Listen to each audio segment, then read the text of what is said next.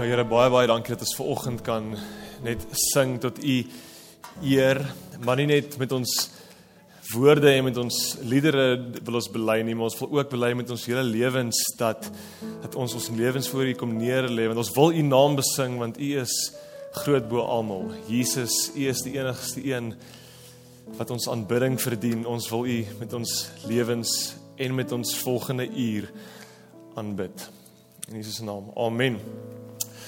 Amen. Hallo, hallo en en welkom by die kerk wat julle eintlik al langer langer as ek is. Um Colin was die eerste diens baie nice met my gewees. Toe sê ek, "Dankie dat jy nie so lelik met my was nie." En toe besluit hy gaan die tweede diens dit willer vat. maar thanks, thanks in elk geval daarvoor.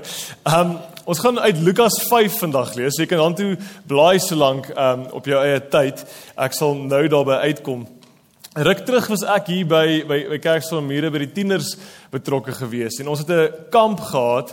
Um die kamp se idee of se doel was gewees as 'n uitreik bemagtigingskamp. So ons wou tieners help verstaan wat dit beteken om 'n uh, 'n sendeling in die wêreld te wees as Jesus volgeling, hoe om ander mense in te nooi na hierdie Jesus lewe toe. En en die hele idee was dit, maar ons het die tema gehad van gemeenskap, community het ons dit genoem. Maar of 'n community on mission was die idee gewees. So so dit maak nie altyd vir ons sin nie, want ons dink altyd in die eerste plek sending is is gaan uit en en en om dalk baie keer op jou eie en gaan doen sekere dinge, maar maar ons juist probeer leer dat die belangrike is ons is nog altyd geroep om as 'n kerk uit te reik en en om as 'n kerk op hierdie sending te wees. En so ons het regtig gehoop hierdie ding gaan posvat, maar ons was nie seker of hy gaan nie. Maar aan die einde van die kamp toe sit ons bymekaar en ons wonder by onsself terwyl die die tieners besig is om op te skep um vir vir ontbyt, die laaste ontbyt, sit ons daar en ons sê het dit ingesink. Verstaan hulle gemeenskap. En as jy 'n tiener het is was al ooit geken het, sal jy weer die antwoord steen teen nee. Ehm um, maar ons het nog steeds gehoop dat daar tog iets gebeur het. En toe ons so instap by die saal, toe is dit bietjie vreemd. Ons sien daar die tafels nie waar hulle altyd is nie. Ons sien nie die tieners aanvanklik nie. En dis so om die draai stap, toe sien ons die tieners het al die tafels een gemaak en saam sit en eet om hierdie tafel. Dis hulle vra hoorie maar wat gaan nie aan? Dis hulle nie ons wil nie hê enigiemand moes met die laaste ete alleen eet nie. En en en dis en dis vra ek vir hulle bietjie meer uit te sê hulle ja nee ons het net gesukkel om te besluit hoe ons die tafels gaan verdeel wie gaan waar sit dat daar darem genoeg mense om elke tafel is want jy weet gewoonlik op 'n kamp soos hierdie ons is mense daar's altyd daai drie weerdays op die kamp wat maar hulle eie tafeltjie moet hê en ehm um, en, en, en hulle het gesê ons wil nie dit sien nie. Ons wil een tafel hê waar ons saam eet. En en, en daai oomblik nog my vasgesteek klomp jare gelede. En dit is my iets wakker kom maak in my hart van die tafel en die rol wat die tafel speel wanneer dit kom by die evangelie deel en wys vir die wêreld. Wanneer ons hierdie amazing nuus van Jesus wil wys vir die wêreld is die tafel 'n kardinale rol. En en so toe ek dit eers besef Toe begin ek dit heeltyd raak lees in die evangelies en, en reg deur die Bybel sien ons hoe gereeld die tafel 'n instrument is om mense bymekaar te bring, 'n tafel of 'n feesmaal of 'n ete.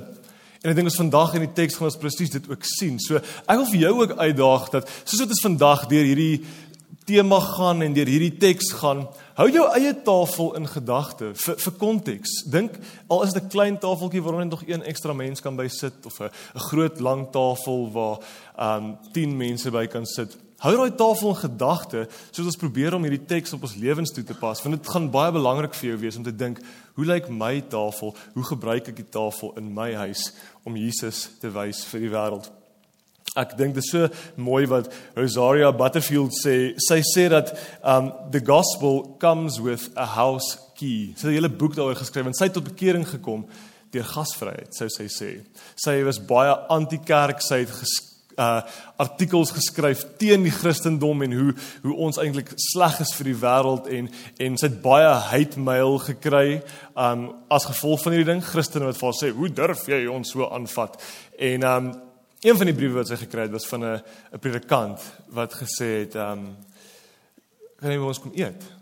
Sal jy ons kom eet? Nee nee nee, nee hoe durf jy wat ek anders nie. En by die ete het hy met haar gesê hoekom hy nie saamstem met 'n artikel nie en sy het tot bekering gekom oor 'n lang pad en sy sê as gevolg van gasvryheid want sien jy die die die evangelie kom met 'n 'n sleutel na jou huis Die, die evangelie is so kragtig dat ons hele huis oopmaak en in verwelkom ander mense deel te maak van hierdie goeie nuus.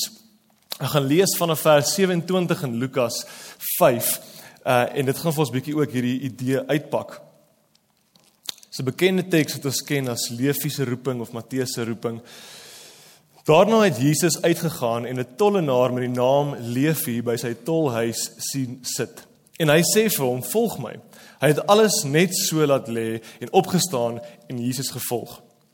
Levi het 'n groot feesmaal in sy huis gehou ter ere van Jesus en 'n groot aantal tollenaars en ander mense het saam met hulle aangesit. Die fariseërs en veral die skrifgeleerdes onder hulle het toe um by sy disippels gekla eh, en gesê: "Waarom eet en drink julle saam met die tollenaars en sondaars?" Dit is my baie snaaks hierdie teks dat dit hulle kla by die disippels en nie by Jesus self en hulle klag is eintlik teen hom maar hulle is bietjie agteraf. Toe antwoord Jesus hulle: Die wat gesond is, het nie die dokter nodig nie, maar die wat siek is. Ek het nie gekom om mense wat op die regte pad is tot bekering te roep nie, maar sondaars. Dit is 'n amazing teks vir my hierdie uh om om met daar's soveel goed wat ek kan uitpak en spesifiek drie goed wat ek wil uitpak en stil staan by vandag. Maar voor ek dit doen, kom ons kyk net gou 'n bietjie na wat aan die gang is in die teks. Bietjie van die konteks dalk. Die eerste ding wat ons sien is dat Matteus sit by sy tolhuis of of Levi sit by sy tolhuis. Nou dis baie snaaks eintlik om aan te dink want want destyds het hulle obviously nie van tollenaars gehou nie. Julle almal het seker dit al gehoor, maar maar hier's een van die interessante redes hoekom veral hierdie spesifieke tipe tollenaars. Daar was omtrent 3 of 4 verskillende tipe tollenaars wat jy gekry het, maar Levi was hierdie een spesifieke wat 'n 'n portable huisie gehad het wat hy kan gaan opslaan op verskillende plekke. Nou as jy nou 'n visserman is, dan sal jy nou 'n sekere aantal visse vang by jou dam waar jy elke dag gaan vang of wat ook al en dan sal jy nou met jou jou vangs stap op 'n spesifieke pad huis toe waar jy altyd stap en ehm um, en jy weet nou daar's jy kan maar daardeur stap, is 'n lekker pad van jou vriende is op die pad. Jy kuier lekker met hulle wat ook al. En eendag stap jy en nou is daar net 'n ou met 'n huisie op, net so opgesit en hy sê, "Ehm um, vir wat jy gevang het vandag, skuld jy my X soveel uit persent van dit wat jy het." Nou dit is nie lekker nie. Jy jy, jy stap hierdie pad nog altyd. Jy vertrou hierdie pad en skielik pop hierdie ou daarop. Dit dit voel bietjie soos Etol, nê? Nee? Dit net skielik die pad wat jy elke dag gery het uh, in elk geval, ehm um, nou nou moet ons betaal vir daai selfe pad. Maar maar maar so dis min of meer wat wat Matteus nou eintlik hier mee besig is. En so die die Jode en die mense het nie van hom gehou nie. Hy hy het hulle hy, hy, hy voel eintlik hy het sy eie mense verraai. Om dit nog erger te maak, die kans is groot dat geleerdes stem nogal saam dat hy hy was deel van die stam van Levi waarskynlik omdat sy naam Levi is en en en dit is die Lewiete is bekend nogal gewees dat hulle was die godsdienstige mense, die die priesterlike rolle moes hulle vervul het. So so nie net dit nie, hy is ook veronderstel om meer heilig te wees en en, en meer godsdienstig te wees en nou verraai hy sy mense. Hy hy daar's soveel redes hoekom hy eintlik net 'n 'n verraaier is en 'n mens is gaan net net daarby uitkom, mense wat mense nie van hou nie, veral vir naam Jesus se mense, die Jode onder wie hy leef. So so Jesus kom na hom toe en hy sien hom daar raak. Dit is baie belangrik as dit raak sien. Baie belangrik om te sien dat Jesus uh, sien vir Matteus besig om sy mense in te doen. Is dit eintlik wil sê, né? Nee? So, so hy, hy sien hom in action. Hy sien hom besig om dit te doen. Hy hy ontmoet hom nie elders anders en dink dis nog 'n nice ou hierdie en dan vind hy later uit ehm um, oor nee, hy's 'n tollenaar en dan vat hy sy roeping terug en sê o, sorry nee, ek het nie besef dis wat jy doen nie. Ehm um, toe jy sê jy vat mense goeders nie. En so dis belangrik om dit raak te sien en en, en, en die ander ding om raak te sien is dat Jesus baie baie baie met tollenaars omgang in die Lukas evangelie. Lukas wil iets vir ons beklemtoon hiervan. Hy wil vir ons kom wys hoe belangrik dit vir Jesus was om met tollenaars om te gaan. Hierdie mense wat nie van gehou word nie. In Lukas alleen sien ons meer interaksie tussen um Jesus en tollenaars as in Markus en Matteus saam.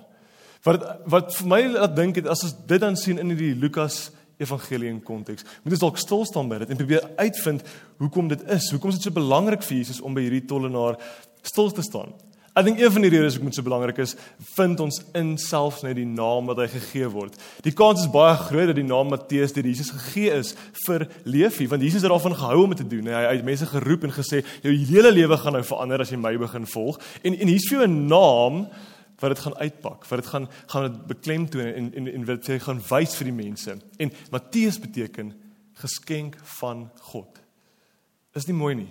Die ou wat die teenoorgestelde van 'n geskenk is, in feite hy forceer ander om geskenke te gee, word die geskenk. En en God sê, "Leefie, ek wil jou kom verander. Ek wil jou kom 'n geskenk van God maak." En wie beter om dit te doen mee as 'n tollenaar, iemand wat nie van gehou word nie. En ek dink dis dalk hoekom ons moet stil staan en beklemtoon op hierdie gedagte. Laaste gedagte wat ek um laaste twee gedagtes wat ek wil stil staan voordat ek die drie punte begin uitpak is eerstens die die feit dat Matteus eintlik dan op die ouene en ek dink is as gevolg van hierdie omdat hy raak gesien word, hierdie verstaan van hy kan nou 'n geskenk wees in plaas van 'n las wees op sy mense los hy alles en hy gee meer op as wat enige ander disipel wat Jesus volg opgee. Want hy hy kan nie sy werk ooit weer terugkry as hy eers daar wegloop. Die Romeinse ryk is streng en hulle gaan nie vir hom sommer net sy werk teruggee nie. Dit is klaar eer wat hulle sou sien dat hy hierdie werk gekry het. Hy was waarskynlik een van die welvarendste disipels. Hy, hy, hy het baie geld en dit gaan goed met hom op 'n uh, ekonomiese vlak. So hy gee eintlik baie op. En ons moet dit raak sien en hy los alles agter as hy sê. En Colin het altyd vir my geleer toe ek by hom was dat uh, die Griekse woordjie vir alles is beteken eintlik as jy nou mooi teruggaan na die taal, dit beteken alles. En en en, en so so so dis belangrik om te sien hy hy los op die ou ende alles want hy besef hoe sterk hierdie roeping is op sy lewe. Laastens hierdie hierdie gedagte van saam eet wat gebeur aan die einde van die verhaal waar waar, waar Matteus 'n feesmaal hou. Feesmaal waarskynlik 'n redelike groot partytjie waar hy vir baie mense kos gee. By hierdie feesmaal eet hulle saam. En die Joodse verstaan van saam eet is 'n baie diep verstaan van intimiteit. Wat ek dink ons dalk tegnies weet, maar nie altyd so kognitief besef nie. Saam eet is intiem. En hulle het geglo, jy sien die simbool van kos wat een word met jou en soos wat die kos een word met jou, word jy een met mekaar. Die grense word afgebreek. Ons kan in mekaar se oë kyk. Ons eet saam En soos wat die kos een word met ons, is ons veronderstel om een te word met mekaar. Gelykheid om die tafel. Mense wat welkom voel. En hier is Matteus besig om die evangelie bloot uh, vir mense bekend te stel en te wys eintlik deur net hulle te nooi na die tafel toe. 'n Baie komplekse tafel waarna ons net nou gaan kyk. Hierdie intimiteit word deur Jesus ook eintlik vertel aan ons wanneer ons in Openbaring 3 vers 20 lees. Kyk, ek staan by die deur en klop. Julle almal ken hierdie teks. As iemand my stem hoor en die deur oopmaak, sal ek by hom ingaan en saam met hom die feesmaal hou en hy saam met my. Jesus gebruik hier dieselfde beeld van intimiteit om te sê dat ons eet saam. Ons word een saam. En dit is die intimiteit wat ek dink ons dan vir die wêreld moet wys. As as dit is hoe ons een word met Jesus, is dit hoe ons een kan word met ander en hoe ander kan een word met Jesus. Dis dit nie 'n ongelooflike aangryplike aangrypende beeld nie. So vir hierdie teks om te te te hanteer op 'n manier wat ek dink om te sê wat ek dink ons moet sê vandag, het ek gedink ons moet by drie spesifieke punte stil staan. Hierdie teks kan ons besig hou vir 8 en 'n half ure of meer, maar ek wil by drie punte stil staan en ek wil 'n bietjie agterste voor hanteer vanoggend spesifiek. Die eerste ding wat ons sien is ons sien dat ons lewe vind by Jesus en Jesus alleen. Ons vind lewe nêrens by Jesus. Die tweede ding is die die styl van Matteus se evangelisasie. Nou ons praat maar van evangelisasie wat hy eintlik doen, sy styl. En wat kan ons leer by hierdie tafel gasvryheid van hom? Dis die tweede punt wat ek wil stil staan en derdens wil ek net weer kyk na die roeping van hom en wat dit dalk vir jou en my kan beteken. Die roeping van Matteus. Nou eerstens sien ons dat ons vind lewe by Jesus en Jesus alleen. Dis wat aan die einde van die teks gesê word. Jesus het nie gekom vir die wat gesond is en wat fyn is nie, hy het gekom vir die wat siek is. Maar ons sukkel om dit te te acknowledge. As jy 'n 'n 'n vrou is van 'n man, sal jy baie goed weet dat dat ons sukkel om dit te erken wanneer ons siek is. Um dis altyd daai daai uh, nee man, ek's fine, dit sal môre oor wees. Kom maar drink dit hierdie pilletjie. Ag, dit gaan my pilletjie regtig help.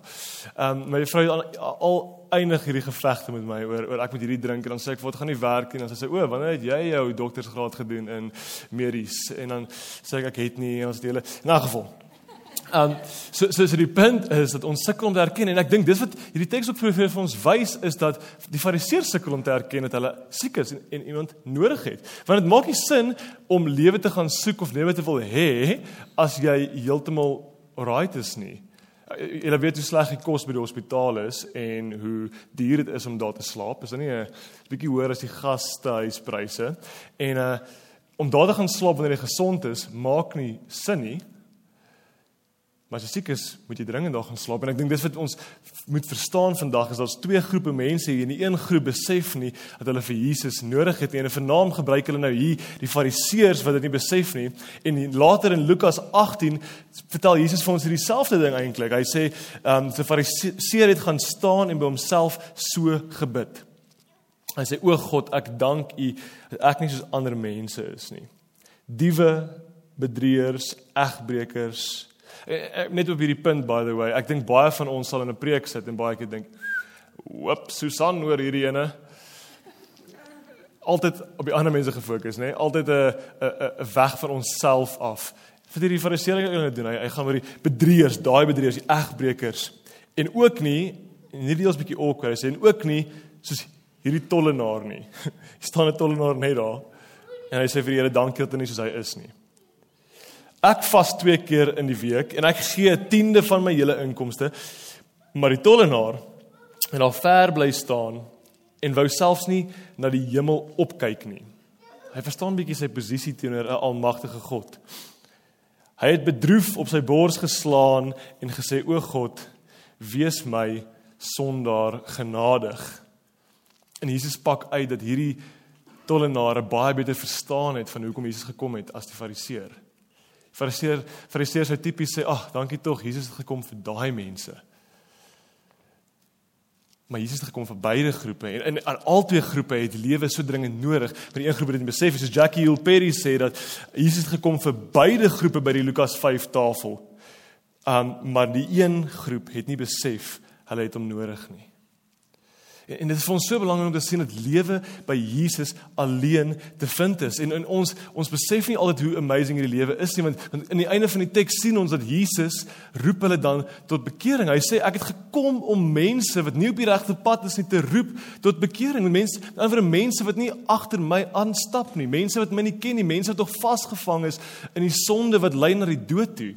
En in hierdie oomblik sê Jesus vir hulle ook, daai mooi woord wat gebruik word vir bekering is eintlik 'n ommekeer, 'n 180 grade draai weg van sonde af na Jesus toe. Dit is so belangrik om te verstaan ons draai net weg van sonde, ons draai na iemand toe. Na Jesus wat jy by die tafel ontvang as 'n gelyke wat sê sê ek ek is lief vir jou en ek wil hê jy moet lewe vind hier by my.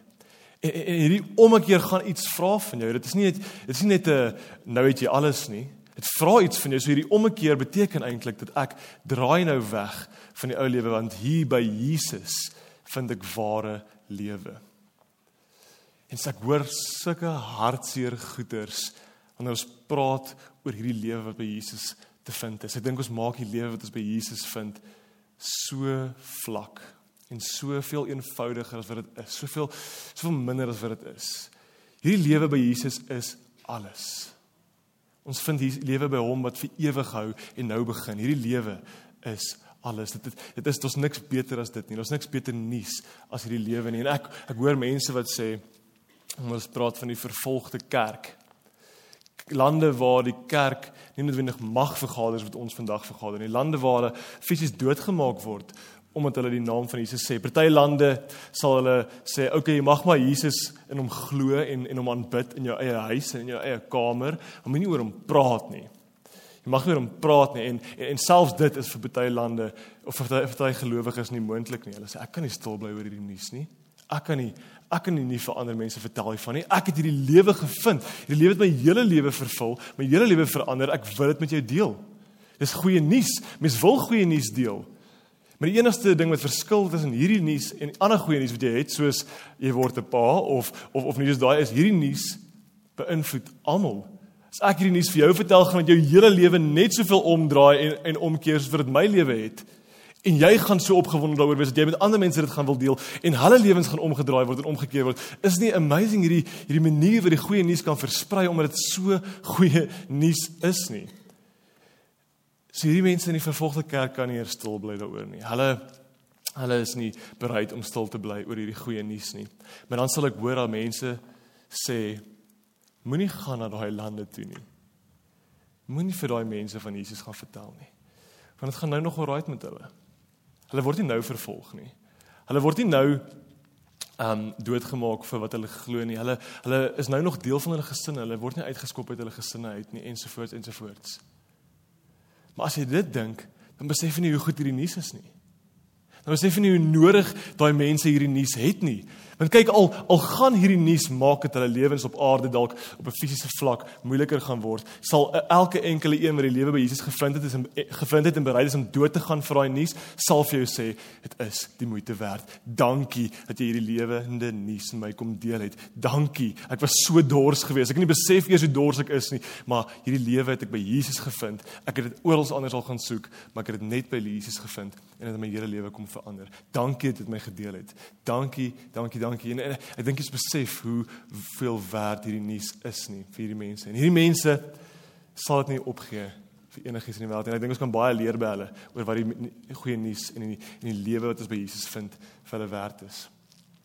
Geopende deure uh, 'n uh, organisasie wat spesifiek die die die vervolgde kerk ondersteun in die moeilike tye wat hulle gaan en vir hulle heenkome gee baie keer en veral baie vir hulle bid. Het vandag 'n uh, biddag geroep vir die vervolgde kerk en het gevra dat die kerk sal inkoop hierby om vandag spesifiek vir hulle te te bid. En ek dink hier is 'n baie gepaste oomblik om dalk net te stop. En sê kom ons bid vir hulle. Kom ons kom ons bid vir ons broers en susters in ander lande waar dit nie so maklik en van selfsprekend is om te kan vergader in Jesus naam nie, om te kan die naam van Jesus aanbid met musiek nie, met harde musiek veral. Nee, dit is lekker om te kan hard sing charge wat jy wil. Die interessante ding is as jy vir 'n persoon in die vervolgde kerk gaan vra, "Hoe kan ek vir jou bid?" sal hulle baie selde sê bid dit ophou. Bid dat die vervolging ophou. Nee, hulle sal net sê bid vir getrouheid. Bid dat ek getrou sal staan in my roeping wat Jesus my gegee het. Bid dat ek sal aanhou om vir Jesus as koning te eer met my lewe dat ek sal lewe soos ek is. Bid dat ek sal getrou wees teenoor dit. Bid dat ek sal vasklou aan hierdie lewende nuus wat lewe gee meer as enigiets anders. Bid net daarvoor vir my. En so kom ons bid dalk nou, sommer net daar waar jy sit, gaan ek 'n paar oomblikke vir ons gee. Kom ons bid vir vir die kerk, glo die liggaam van Christus wat waar dit nie oral maklik gaan nie, maar kom ons bid vir hulle om sterk te staan, getrou te staan in hulle roeping en in die lewe wat hulle gevind het by Jesus. Here ons dankie vir u goeie nuus wat ons lewens kom verander het. Ons dankie vir ons broers en susters wat vir ons so baie kan kom leer eintlik oor oor hoe waardevol hierdie nuus is. Hierdie skat is wat ons net by u kan vind, net by Jesus. Ons bid Here vir krag en wysheid en en en krag om getrou te bly aan hulle roeping en getrou te bly aan hulle geloof wat uh wat hulle lewens kon verander dit dit wat hulle met hulle hele lewens aan vashou. Ons bid Here dat U U kerk sal aanhou versterk so wat net U kan. Dankie Here vir die lesse wat ons kan leer. Dankie vir die die krag van die Gees wat ons aan die werk sien in lande waar dit regtig moeilik gaan en in in China waar die kerk vinniger groei as in Suid-Afrika waar dit baie moeiliker is om kerk te wees. Ons dankie dat U aan die werk is in hierdie lande waar dit die moeilikste is vir ons om U naam te aanbid. Ons dankie vir die geleentheid om ook vir hulle te kan bid. Ons dankie vir al die gemeentes wat vandag te doen. In Jesus se naam. Amen. Tweede staan ons stil by hierdie gedagte van Matteus se tafel. Wat wat wat gaan aan by Matteus se tafel? Nou, dis 'n baie komplekse tafel. Ek het nie tyd om stil te staan by presies hoekom nie, maar ek het al bietjie van dit genoem, nê. Die die die die punt is dat Matteus is skaars tot bekering gekom, nê? En, en en en hy hou hierdie feesmaal waar hy tollenaars en Jesus volgelinge meng, punt nommer 1. Ek weet nie hoekom hy tog toegelaat het dat daar skrifgeleerders en fariseërs daar staan nie. Dit klink altyd vir my as ek die storie hoor of hulle eintlik nie by die tafel sit nie. Hulle staan eintlik al ver en wil nie by die tafel sit nie. Um maar maar hulle is tog welkom in die omgewing. Hulle is daar, die fariseërs. En dan het jy mense wat waarskynlik wou um tollenaars doodmaak aan die tafel. Het tollenaars aan die tafel. Jy het 'n ou wat gesteel het by van hierdie mense aan die tafel en jy het ouens wat nog steeds doen en nie van plan is om op te hou nie by die tafel. En en en dis net 'n 'n 'n moeilike tafel hierdie. Dit is 'n komplekse tafel wat hy nou moet host en hy hy skaars um hy verstaan skaars wat dit beteken om die evangelie te glo of te wees. Um maar hy doen dit. En en 'n mooi waarneming wat ons hier kan maak is dat hy verstaan dalk iets van 'n oop deur evangelisasie. Dis 'n mooi tema wat Rosaria Butterfield ook gebruik. Sy sê dat ons praat altyd van die deur tot deur evangelisasie. Jy het dit al gehoor, nê, nee? mense wat wat klop aan die deur en dan gaan jy na hulle toe. En ek het nie 'n probleem daarmee nie as jy die goeie nuus op daai manier by iemand kry, doen dit, maar maar maar wat die die die intimiteit en die die metode wat ons hier by Matteus leer dalk van sê is ons moet dalk in plaas van deur tot deur evangelisasie hê, moet dit dalk maak jou deur oop evangelisasie hê. En nooi mense in jou huis in evangelisasie. Maak jou tafel oop vir ander evangelisasie en want dit is 'n plek waar mense eerstens kan in intimiteit verkeer, kan regtig beleef hoe hulle een word met jou, hoe hulle hoe, hoe hulle deur jou gesien word as 'n gelyke, as iemand wat wat hulle wat hulle respekteer, wat hulle liefhet nie net liefhet omdat hulle iets met hulle wil deel nie, maar liefhet omdat hulle welkom is in hulle huis en hulle hulle wys vir hulle die liefde, so hulle wys die evangelie vir hulle. En natuurlik is dit 'n amazing geleentheid dan vir ons om die evangelie te kan deel met mense in hierdie situasie. En so mooi om te dink aan hierdie gedagte van van van oop deur maak of deur oop maak evangelisasie teenoor 'n gaan daartoe. Want kyk, die die die lewe wat ons vind by Jesus is dit die moeite werd. En as mense nie daai lewe van Jesus in jou huis kan kry nie, waar gaan hulle dit kry? Waar anders moet hulle dit kry? En en dit is so belangrik vir ons dink ek om te kyk hoe lyk ons tafels. Ek vra hierdie vraag vir myself elke week, hoe lyk my tafel? Op 'n Vrydag aand of op 'n Saterdagoggend is dit altyd dieselfde mense by die tafel wat wat almal in hierdie amazing nuus van Jesus glo. Daar's niks fout daarmee, ons moet mekaar bemoedig as gelowiges.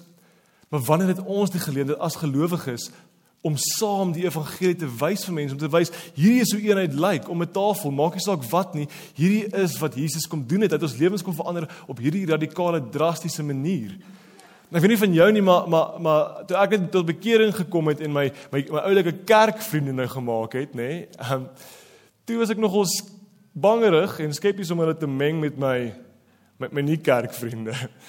Dink gegaan nie pelle op op op in die koshuis op universiteit dalk en uh wat ook al julle alles gedoen het. En ek gaan jou jou heilige selgroepie wat nie een sonde het nie. En en jy wil daai twee groepies bymekaar meng. Ek weet nie van julle nie, maar ek gril so eintlik. Ek, ek ek ek ek voel ongemaklik om dit net te sê, nê. Nee, dit is 'n is 'n is 'n baie ongemaklike situasie wat jy vir jouself skep. So bly liewer net daar uit. Maar maar dis nie wat Matteus doen nie. Matteus vir een of ander rede van die begin af nooi hy sy tollenaar vriende en sy Jesus volgeling vriende na dieselfde tafel toe. Dit maak nie vir my sin nie. Dit klink nie vir my na 'n baie slim metode nie. Maar hy doen dit. En ek dink die ongemak wys eintlik op die einde vir die tollenaars dat almal is hier welkom. Want kyk ek wat Matteus is was nie voorheen welkom nie, maar ek is nou. En hier is waar ons vir Jesus ontmoet die die evangelie eintlik sien. So hoe lyk jou tafel? Wat hoe gebruik jy jou tafel in jou huis om hierdie roeping uit te leef? Om hierdie lewe wat net by Jesus te vind is vir ander te wys en met ander te deel. En laastens wil ek stil staan by die die gedagte van Matteus wat geroep word deur Jesus. Ons het klaar gesien dat Matteus beteken die geskenk van God. En so hoe word Matteus nou hierdie geskenk van God? Dis eintlik so mooi. Hy hy hy, hy los eerstens alles behalwe sy vriende. Hy los alles behalwe die mense wat hy sien die nuus ook so nodig het. Want kyk Matteus was, soos ek al reeds gesê het, eintlik in 'n baie groot mate gehaat en hy was nie welkom gewees by hierdie tipe partytjies nie. Want mense het nie van hom gehou nie.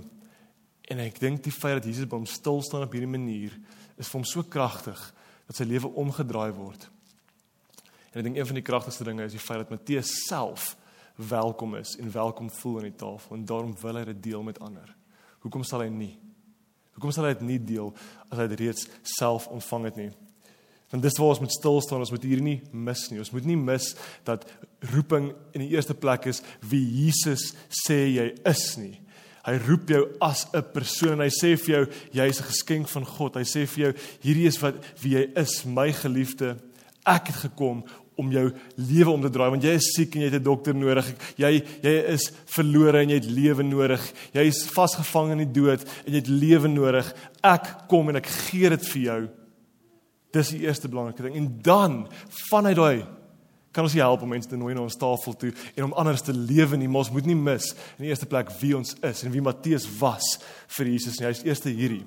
Was hierdie series the, the Chosen wat wat Jesus se storie uitpak en Um hierdie dialoog, ek weet nie of jy dit al gekyk het, dis baie goed, maar hierdie dialoog is nie in die Bybel nie, so ek sê nie dit het gebeur nie, maar dit vat baie mooi vas dink ek die emosie wat ge, wat wat plaasgevind het by hierdie roeping van Matteus. Na Matteus gesê is om te volg, begin hy volg en nou sê Maria Magdalena, um we're having a dinner party tonight, sê sy vir Matteus. Nou sê Matteus, um I'm not welcome at dinner parties. En dan sê Jesus vir Matteus, that won't be a problem tonight because you're hosting. is dit nie mooi nie dat dat Matteus die een wat nie welkom was nie nou ander laat welkom voel. En en die een wat nou hoor by God, ek is nou welkom, maar ook hoor by God, ek het nou geleentheid om ander welkom te maak en te laat voel. Dit is altyd nog so groot eer om betrokke te wees by Kerksonmure omdat hulle hierdie roeping ernstig opneem om verander die Jesus lewe te wys op 'n barmhartige manier moet ons baie keer dit doen op 'n verwelkomende manier. En en, en soos ons het 'n video wat ons vir julle wil wys wat juis hierdie ook uitpak wat vir wat wat bietjie uitpak waarmee 'n kerk van hierdie ook besig is om verander die Jesus lewe te wys. So dink bietjie hieraan, dink aan hoe lyk jou tafel? Maar kom ons kom ons um vier ook saam wat wat die Here deur kerk van hom hier doen om verander Jesus te wys.